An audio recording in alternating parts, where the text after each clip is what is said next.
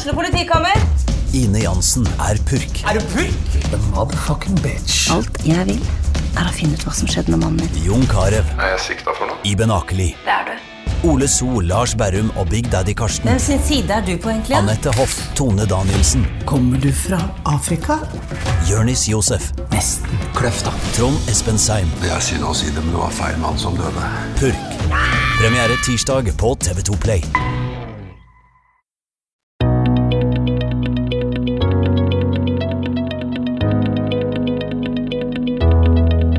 Ida Simonsen har opplevd mer motgang enn mange andre. Trebarnsmoren fikk uhelbredelig kreft, og idet hun skulle i gang med opptrening etter egen behandling, fikk datteren Angelica akutt kreft. I dagens episode av TV-podden får vi høre historien om hvordan familien har taklet de vanskelige årene, om gledene de opplever i hverdagen, og om ensomheten etterpå, når vennene de hadde, har gått videre med sine liv, uten Ida og mannen og Angelica, som nå er 14 år. Velkommen hit til oss, Ida. Tusen takk, og veldig hyggelig å bli bedt. Ida, du har en sterk historie.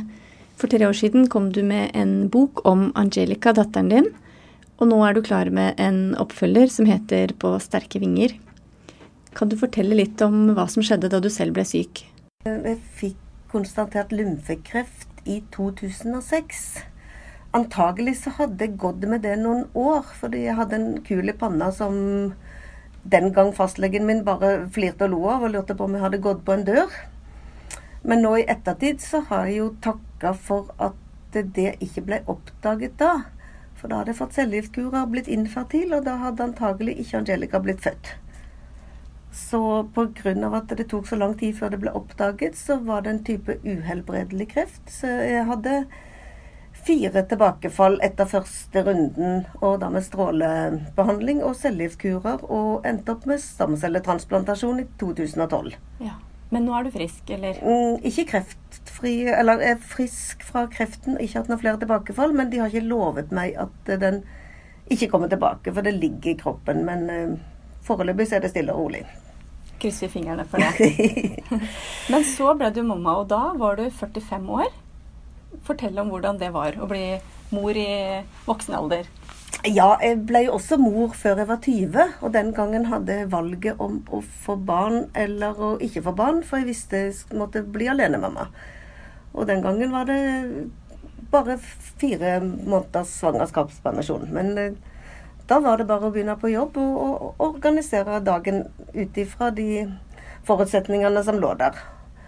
Og så traff jeg mannen min eh, 17 år senere, og vi fikk et barn i, i 97. Og så fikk jeg også lov å bli mamma når jeg skulle bli 45 år. Så det, det var jo en herlig opplevelse å få lov til det og, og oppleve det igjen.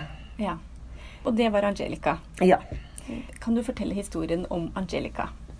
Ja, altså hun fikk jo navnet sitt først og fremst fordi at jeg visste det skulle bli en jente. Og da når man får lov å bli mamma når man er godt voksen, så måtte hun få et englenavn. Angelica betyr som en engel. Og hun var en helt vanlig jente og gikk på skolen og barnehagen og, og alt dette her. Og så fikk hun veldig, veldig brått uh, akutt uh, lymfatisk leukemi i uh, 2012. Det var faktisk to måneder etter jeg var kommet ut fra isolatet på min egen behandling. Og jeg skulle på opptrening på Cato-senteret. Hadde fått plass der og skulle være borte i to måneder. Men først så skulle vi bare gjennomføre konfirmasjonen til storebroren hennes. Men eh, vi kom aldri så langt til noe opptrening for meg sjøl, for da ble hun syk, og da var det på'n igjen. Hvordan oppdaget dere at uh, hun var syk? Det, det er akutt, og det kommer brått på. Det var bare fra den ene dagen til det andre. Hun var stiv som noen tømmerstokker i beina sine og klarte ikke å gå og hadde skrekkelig vondt. Uh, og da er det rett inn på sykehus? Eller, ja, det var rett på sykehus. Det var innom noe legevakt og noe lokalsykehus på Ahus. Og når det kommer fire alvorlige personer med hvite frakker og sier vi må bare dra til Riksen, så, så skjønner man at det er alvor. Hva tenkte du da? Nei, Heldigvis så hadde jeg jo min egen erfaring i, i ryggsekken, så jeg satte vel bare på autopiloten og begynte å skrive lister. Og, men jeg tror min mann var litt mer distré når han måtte hjem i, til Drøbak og hente overnattingsbag, så han kan ikke huske den bilturen, sier han etterpå. Hvordan gikk det for, eh, sykdomsforløpet? Ja, Hun fikk en litt mer aggressiv variant av leukemien. Sånn at hun måtte gjennomføre de første behandlingsrunden på to år i stedet for to og et halvt, og litt tøffere medisiner. Men den forløp uten noe særlig eh, komplikasjoner. Ikke noe mer enn det som vi hadde blitt eh, fortalt kunne skje, iallfall. Det var ikke noe dramatikk de første to årene. Hun ble ferdig med behandlingen og var friskmeldt, og det fikk hun lov å være i tre måneder. Og så ble hun syk igjen, og da var det to dager før jul i 2014. Da fikk hun tilbakefall. Da var det jo mye kraftigere medisin som eh, måtte til, for da hadde jo ikke den første behandlingen virka godt nok, så da ble det planlagt stamcelletransplantasjon. Søsken og, og far var tidligere testa for donormatch, men det var ingen match, sånn at de måtte ut i det internasjonale benmargsregisteret og, og finne donor. Og sykehuset fant en donor. Så det var planlagt transplantasjon våren 2015. Men vi kom ikke så langt akkurat da. Hva var det som sto i veien for det? Nei, da ble det veldig dramatisk. Hun skulle bare inn og ta den siste cellegiftkuren. Eh, men da fikk hun eh, blodforgiftning, sepsis og multiorgansvikt, og kom i koma og havnet på barneintensiven på Rikshospitalet. Og hun, hun ble værende i koma i eh, godt over to måneder. Og da var det fra dag til dag. Vi holdt på å miste henne der og da. Hun hadde flere hjertestans. Hun fikk også en livstruende HLH-bakterie som holdt på å spise opp immunforsvaret hennes. Så det ble veldig dramatisk. Hvor gammel var Angelica da? Ja, dette var jo i 2014, sånn at hun feiret tiårsdagen sin i koma. Det var den rareste bursdagen vi har vært med på, men nattevakten på sykehuset hadde pyntet sengen hennes med masse ballonger og lys, og når vi kom om morgenen, så, så var det full gratulerer med dagen og litt sånn absurd bursdagsfeiring. Hva tenkte du da, når de hadde gjort en sånn jobb for barnet ditt? Ja, altså der På barneintensiven der jobber der engler, for der er det to personer på hver pasient hele døgnet. De går ikke på do engang uten å, å sitte, tilkalle vikar. Og de administrerer på, et, på det verste så hadde hun 21 medisinpumper, så det, hele døgnet gikk med til å blande medisiner og ringe etter blodplater og styre dialysemaskin som renser blodet hennes kontinuerlig. og så der eh, ga det ganske høyt tempo, og ikke noe slingringsmonn for noe tull og tøys. Så det, det, er veldig profesjonelle folk. Så vi hadde veldig full tillit til at hun var på det aller beste stedet akkurat der og da. Mm. Men hun kom ut av koma? Hun kom ut av koma, men så skjedde det noe, noe mer. Hun fikk en, en hjernebetennelse og krampe- og epilepsianfall. Og da fikk hun en varig skade på en del av hjernen som heter hippocampus. Det er den som styrer korttidsminnet vårt. Og orienteringsevnen, stedsansen. Sånn at hun har i dag fått en varig skade som kanskje ikke er reversibel. Sånn at det, eh, i dag må hun ha tilsyn døgnet rundt. Men hun kom ut av koma, og hun var på opptrening og oppføting på lokalsykehuset en to-tre måneder. Så den Transplantasjonen ble gjennomført, for den måtte hun ha for å redde livet og bli kvitt kreften. Men hun måtte samtidig vente sånn at hun var sterk nok, sånn at hun ikke skulle dø av selve behandlingen. Så det var det sykehuset drev og veide opp mot hverandre. Når skal dette skje? Og vi var kjempeheldige, for han som som Jeg sier han, for jeg tror det er en mann, men eh, vi vet ikke hvem som har gitt stamceller. Men vedkommende utsatte dette her fire ganger, og det er frivillig å gi bort en del av blodet sitt og tappe stamceller. Sånn at det, vi, vi, var kjempeheldige der som, som fikk en donor som utsatte fire ganger. Så bestemte dere dere for å flytte til Tønsberg. Ja, det, som du kaller for pilegrimsbyen. ja, jeg føler vel at jeg har vært litt sånn på en pilegrimsreise. Og vært litt på leting etter et sted hvor man uh, skulle bo og finne et nytt liv. For det ble et nytt liv for oss. For vi mista også husleiekontrakten på et hus vi hadde bodd i i seks år, midt under det verste intensivoppholdet hennes. Og vi bodde midlertidig i en bitte, bitte liten blokkleilighet uh, en periode, men vi fant ut at det, det var jo ikke noe varig løsning. Og i mellomtiden så var husprisene i Drøbak der vi bodde, blitt skyhøye, sånn at vi måtte begynne å tenke hvor skal vi hen? Og da måtte vi bare tenke praktisk. Og så liker vi veldig godt med sjøen og vokste opp med sjøen på en liten øy på Vestlandet. Og min mann er født i Tønsberg, selv om ikke han hadde bodd her eh, fra han var 20 år. Så, så falt valget på Tønsberg. Vi hadde vært mye på Furustrand, på campingen der, og vi likte oss veldig godt i området. og Nærheten til sykehus, nærheten til kirka vår, nærheten til det meste. og sjø rundt oss, og ikke lenger inn i landet, for jeg er ikke noe glad i snø. Så da ble det Tønsberg. Og vi, vi kom hit for, um, i desember for litt over to år siden. Hvordan um, har dere tatt vare på forholdet deres når dere står i sånne voldsomme utfordringer? Både egen sykdom, barns sykdom, uh, husleietrøbbel, flytting. Det er jo enorme påkjenninger. Ja, det er veldig mange i sånne prosesser som blir skilt. Det har vi jo sett der vi har vært. Men vi har vel ikke verken hatt tid eller råd eller mulighet til å bo hver for oss. Men det, det, går litt på det vi kaller delt omsorg, for vi får ikke gjort så mye sammen lenger. Fordi nå har vi et barn som må ha tilsyn døgnet rundt, og vi har ikke så veldig mye avlastning. Sånn at eh, skal man på konsert eller kino, så blir det gjerne hver for oss. Og det blir jo litt stusslig i lengden. Så litt kjærestetid hadde jo gjort seg. Men eh, man holder jo ut fordi man må. Mm. For det er jo for barnets beste man gjør ting. Denne uken så er det morsdag til helga. Og hva tenker du om det? Og du har jo vært mor i tre ulike roller, da. Men hvordan eh, tenker du på deg sjøl som eh, mamma nå?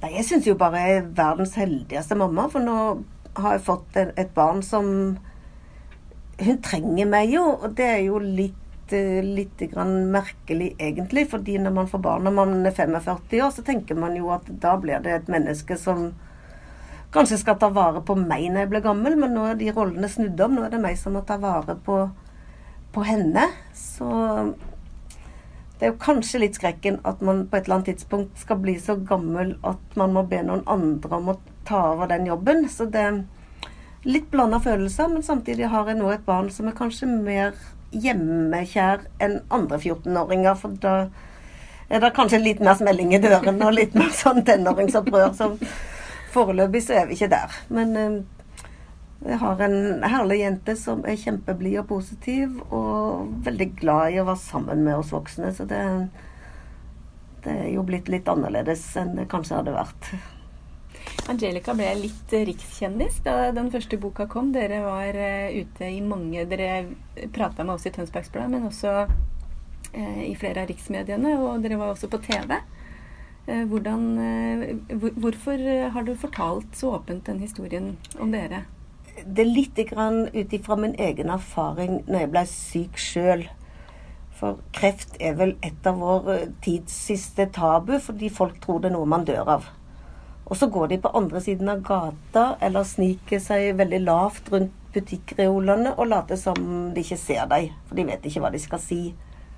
Så tenkte vi at nå må vi velge en litt annen strategi. Og for oss har det vært kjempeviktig med åpenhet. For folk der ute, de har jo ikke greie på hvordan sånne sykdommer arter seg. Og folk er ikke synske. sånn at hvis vi skal møte folk og, la dem få et lite innblikk i hvordan det kan være å være pasient og pårørende, så er vi nødt til å, å, velge åpenhet som tema. Og for oss har det vært viktig å, å vise mennesker at kreft kan ramme hvem som helst og hvor som helst, og til og med to i samme familie. Det er ikke arvelig, og det er ikke smittsomt. og ikke nødvendigvis noe man dør av. Sånn at uh, Angelica var veldig enig med meg helt fra starten av når VG Hell kom og spurte om de kunne delta noen måneder i vårt liv og beskrive den reisen det var å leve med et kreftsykt barn og være inn og ut av sykehus, så takka vi ja til det. Og det, det var at kanskje noen skal gjøre den jobben og vise et ansikt ut av at dette her er ikke noe skummelt og farlig. Det ble jo ganske farlig, men uh, det er litt sånn hvordan man tar det. Og, og jeg fikk også litt Eh, råd fra noen på sykehuset at dette her må du ikke gjøre, for tenk om det går galt. Og da husker jeg at jeg svarte vedkommende at gleden blir mye større hvis man deler, og sorgen blir også lettere å bære hvis man deler. Hvis ja. det skulle gå galt. Mm. Folk går over gata fordi de ikke vet hva de skal si Men hva bør vi si når vi møter eh, folk som står i eh, sykdom, eller kanskje har mista noen, eller Man trenger det? kanskje bare en klem eller en hånd å holde i. Man trenger ikke si så mye. Men bare bry seg. Når jeg var liten og vokste opp på landet, så var det sånne koner som kom med litt grøt når noen hadde født barn og sånn. Altså, vi må litt tilbake der. Bare dra på besøk. Altså, vi opplevde jo at folk kjørte fra Drøbak og inn til Rikshospitalet med middager til oss fordi vi bodde på sykehuset i ti hele måneder uten å, at barnet vårt var hjemme. Vi dro litt hjem på skift innimellom og vaska litt klær og henta litt post. Og han ungdommen vår måtte vi sette bort til en annen familie, så det er ganske tøft å sitte der og være pårørende. Men det hjelper ikke med 1000 likes på Facebook hvis man ikke har noen å drikke kaffe med. Så bare bry seg litt og ta den kaffekoppen og, og spør om det er noe man kan hjelpe oss til med. Men den som er syk, må også være mye flinkere til å kanskje si fra hva de trenger hjelp til. Invitere folk inn, være litt sårbar, vise litt åpenhet. Og det er den rollen vi tenkte vi kunne ta på oss. Det er jo litt sånn norsk å ikke skulle være til bry. Så det er jo fint eh, det du sier, syns jeg. Det om også kunne sette litt ord på hva man trenger. Og spørre om hjelp. Og Ja, vi skal liksom være oss sjøl nok, og vi skal ikke være til bry. Og vi skal helst ikke ha noen innpå oss, for man skal jo kanskje sminke seg før man får besøk. Så, så det er litt dette her med å tørre, tørre å være sårbar, tørre å føle seg litt sånn keiserens nye klær. At man viser seg litt naken og, og bar hud. og og vise at man ikke har det helt greit. Så man må invitere folk inn både på gleder og sorger. Og ikke være så veldig opptatt av fasaden. For det, folk lever liksom bak den fasaden og gjemmer seg bak det perfekte. Men jeg tror ikke alle har det så perfekt som de kanskje vil vise ut i offentligheten.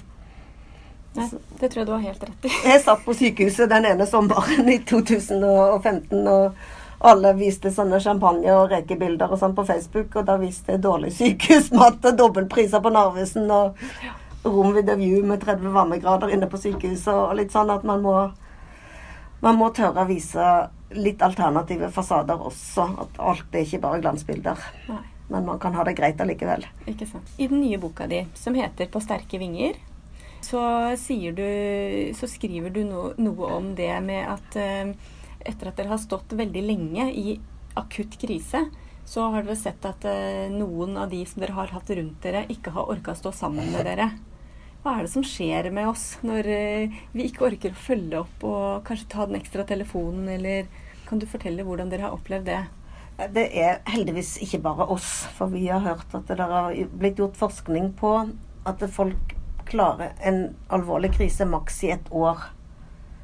Og så da når TV-kameraene skrus av og katastrofealarmen eh, blir litt stille, så, så går folk videre med sine liv. Og det er kanskje ikke så rart, for man har litt sånn overregulert liv. Man skal på alle fritidsaktivitetene, og det er ikke så veldig mye rom for å være impulsiv. Men eh, det er litt dette med at, eh, at det blir for mye for folk. De klarer ikke å, å stå på perrongen og vente at toget deres går videre, mens vi er kommet inn på et sidespor og må ta en helt annen rute videre. Og det, det blir for mye for folk eh, rundt en, og det kan vi heller ikke forvente at de skal klare å henge med en helt annen reise enn eh, det som var planlagt.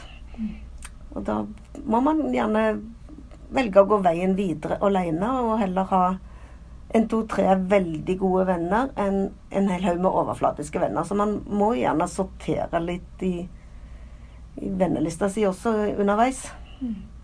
Er det mye dårlig samvittighet hos folk som har eh, på en måte falt av, tror du?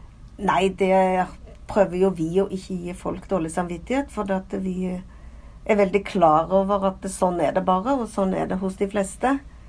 Sånn at vi kan ikke sitte og være bitter, for at det, deres liv er jo på samme måten som før. De skal på jobb, og de skal på hytta si, og ungene skal på fotballtrening og på yoga og til hesten og alt dette her sånn. Så det er jo vi som må snu oss og gå 180 grader en helt motsatt retning. Så vi kan jo ikke være bitter på andre mennesker fordi at vi fikk et annet liv. Så det, det går helt fint. Hvor er det du henter den styrken fra? Nei, Når man har vokst opp på en liten forblåst øy på Vestlandet og flytta til Stavanger etter 9. klasse, så, så, har man vel litt innboende styrke. og det har jo kommet vel med, så jeg er jo veldig glad for at jeg har hatt en sånn barndom og, og lært meg tidlig å klare meg sjøl. Og ikke la meg blåse over ende av en liten vindkast. Det, så det, det, har gått veldig fint. Mm. Hvordan har Angelica det i dag? Ja, hun er jo lykkelig uvitende om mange ting. For hun fikk jo da en hjerneskade som påvirker henne sånn at hun kan virke yngre enn sin alder. Litt vanskelig med vennskap og konstellasjoner i klassen og sånn, fordi hun er veldig sliten av sykdom. Hun har mye migrene, epilepsiutløst migrene, sånn at hun må sove ti timer i døgnet. og da blir det dårlig med sånne aktiviteter som er etter klokka åtte om kvelden. Det, det går ikke. Det lar seg ikke gjennomføre så litt, hun kjenner litt på ensomheten, og det er litt sårt å være mamma når man ser at man ikke er så mange som kommer på besøk. Så vi må veldig styre hverdagen hennes og ta henne med på ting og organisere ting som hun skal gjøre. Men hun er blid og fornøyd hele tiden. Hun er aldri sur. Så det, det er jo et kjempepluss for oss. Mm. Hvordan tror du livet hennes blir framover? Hun har jo lyst til å jobbe som dyrepasser i dyrehagen i Kristiansand, eller et eller annet. Hun, hun må nok ha tilrettelagt arbeid og ha folk rundt seg hele tida, så det Men så hun er positiv, så jeg tror hun får til det hun har lyst til å få til. Hun er aldri redd for å gå i gang med nye utfordringer. Så hvis det er noen som ser henne og lar henne få teste ut ting og gjør små oppgaver som gir henne mestringsfølelse, så er det gull verdt i den nye boka di forteller du litt om måte tiden etter den forrige boka, men du er også inne på mye religion? Jo, altså både meg og Angelica har gått inn i den katolske kirken. Og for meg så var det kanskje et lite ungdomsopprør, for jeg vokste opp i bedehusmiljøet på Vestlandet med, hvor alt var svart og mørkt og trist og ingenting var lov. Så når jeg kom til Italia da jeg var 20 år, så så jeg jo der at det, det, var mer åpenhet, og det var vakkert i kirkene, og det var alltid åpent, og det var lys. og Så både kulturen og språket og, og menneskene og alt det der tiltalte meg. Så det var litt den dragningen mot, mot den moderkirken som gjorde at eh, etter hvert uh, gikk på kurs og meldte meg inn i katolske kirke. For man kan ikke bare melde seg inn der, man må gå på trosopplæringskurs et helt år. Men vi giftet oss også i Roma i år 2000, meg og mannen min. Og selv om ikke han er katolikk, så var vi på Petersplassen og fikk velsignelse av paven eh, neste dag. Og det, det var jo en veldig, veldig spesiell opplevelse. Så det med pilegrimsreise, det er mer at man føler man er på vandring. Ikke bare fysisk, men, men også mentalt. Så for meg har det vært en eh, en måte å beskrive en omstilling og til å, å, velge et annet liv nå når ting Når selve livet henter meg, så, så, måtte jeg velge en annen løsning enn det jeg hadde tenkt fra før ut. Vi har jo lagt fra oss veldig mye. Både karriere med eget firma, egen business og alt mulig sånn som ikke ble så heseblesende og suksessfullt som det var noen år, fordi at vi ikke har kapasitet nå til å være så mye borte fra hjemmet. Så det, det blir en litt annen retning og, og, kanskje litt roligere liv enn det vi hadde trodd i starten. Mm. Hvis du skal eh, tenke på din egen erfaring og dine egne opplevelser, har du noen råd å gi til andre som Alle tenker jo at det, det skjer jo ikke meg, men det kommer jo til å skje mange av oss. Og, og hva vil du si til dem som plutselig står i din situasjon? jeg søker råd hos noen som har vært der før. For at de som er forstå-seg-på-ere, som ikke vet egentlig hva de prater om, de kan gjerne ikke gi riktige råd. Og man skal heller ikke pepre venner eh, fulle med sykdomshistorier og bare sitte og sutre, for da blir man venneløs veldig fort. Så, så, jeg vil jo gjerne, når jeg møter mine venner, så vil jeg jo gjerne heller diskutere noe god musikk eller en god rødvin eller mat eller sånne ting. Og så kan jeg prate med andre folk om sykdom, de som har vært der før. Men så er det noen som tenker at dette klarer ikke å fikse. Eh, men jeg tror alle har urkreftene i seg. Og de kommer til overflaten når man trenger dem. Så man behøver ikke være så redd. Man, bare tenke at dette går veldig bra, og så ordner det seg underveis. Så man bare henter opp de kreftene man ikke vet man har. De kommer når man trenger dem. Ja. Du, da er det et par uker til boka di kommer, for den er på trykkeriet, men den er ikke ferdig trykt ennå. Uh, og da skal du ut og snakke litt om boka. Ja, jeg håper jo selvfølgelig at veldig mange vil invitere meg til boksignering i bokhandlere. Og så tenker jeg også å reise rundt og holde foredrag med å, å fortelle om at det, eh, det går bra. Altså man må bare være positiv og, og tenke at ting ordner seg underveis. Og jeg har jo holdt foredrag før i Kreftforeningens lokaler her i Tønsberg og vært på sykehuset og blitt invitert med pasienthistorier i, i andre sammenhenger. Blodbanken bl.a. Så jeg tenker jo noe lignende nå. Og da vil jeg jo gjerne prate litt om, om det, hvordan det er å være pårørende når, når det blir stille etterpå en katastrofe. Og, og, hvordan man kan bruke en sånn situasjon til å, å, tenke positivt. At man faktisk er ganske heldig som har et barn. For det var ikke helt selvfølgelig akkurat i den verste krisen hos oss at det skulle gå bra. Vi må heller lære oss å glede oss over de tingene som faktisk er kjempepositivt, i stedet for å å sitte og være lei seg for at det blir et annerledes liv. Mm. Så bra. Jeg tror eh, at du har gitt eh, oss eh, noen gode tanker i dag og litt å tenke på, og en veldig sterk historie. Tusen takk, Ida, for at du kunne komme hit til oss. Ja, sjøl takk. Tusen takk for at du kunne komme. Du har hørt på TV-podden, en podkast fra Tønsbergs Blad. Mitt navn er Marie Olaussen. Konstituert ansvarlig redaktør er Erik Vold Aunemo, og musikken er laget av Scott Holmes. Mer fra vår podkastredaksjon finner du der du laster ned podkaster. Søk oss opp, abonner og gi oss gjerne en vurdering, så blir det enklere for andre å finne oss der. Takk for i dag. Vi høres igjen. Har du et enkeltpersonforetak eller en liten bedrift? Da er du sikkert lei av å høre meg snakke om hvor enkelt det er med kvitteringer og bilag i fiken, så vi eh, gir oss her, vi. Fordi vi liker enkelt. Fiken superenkelt regnskap.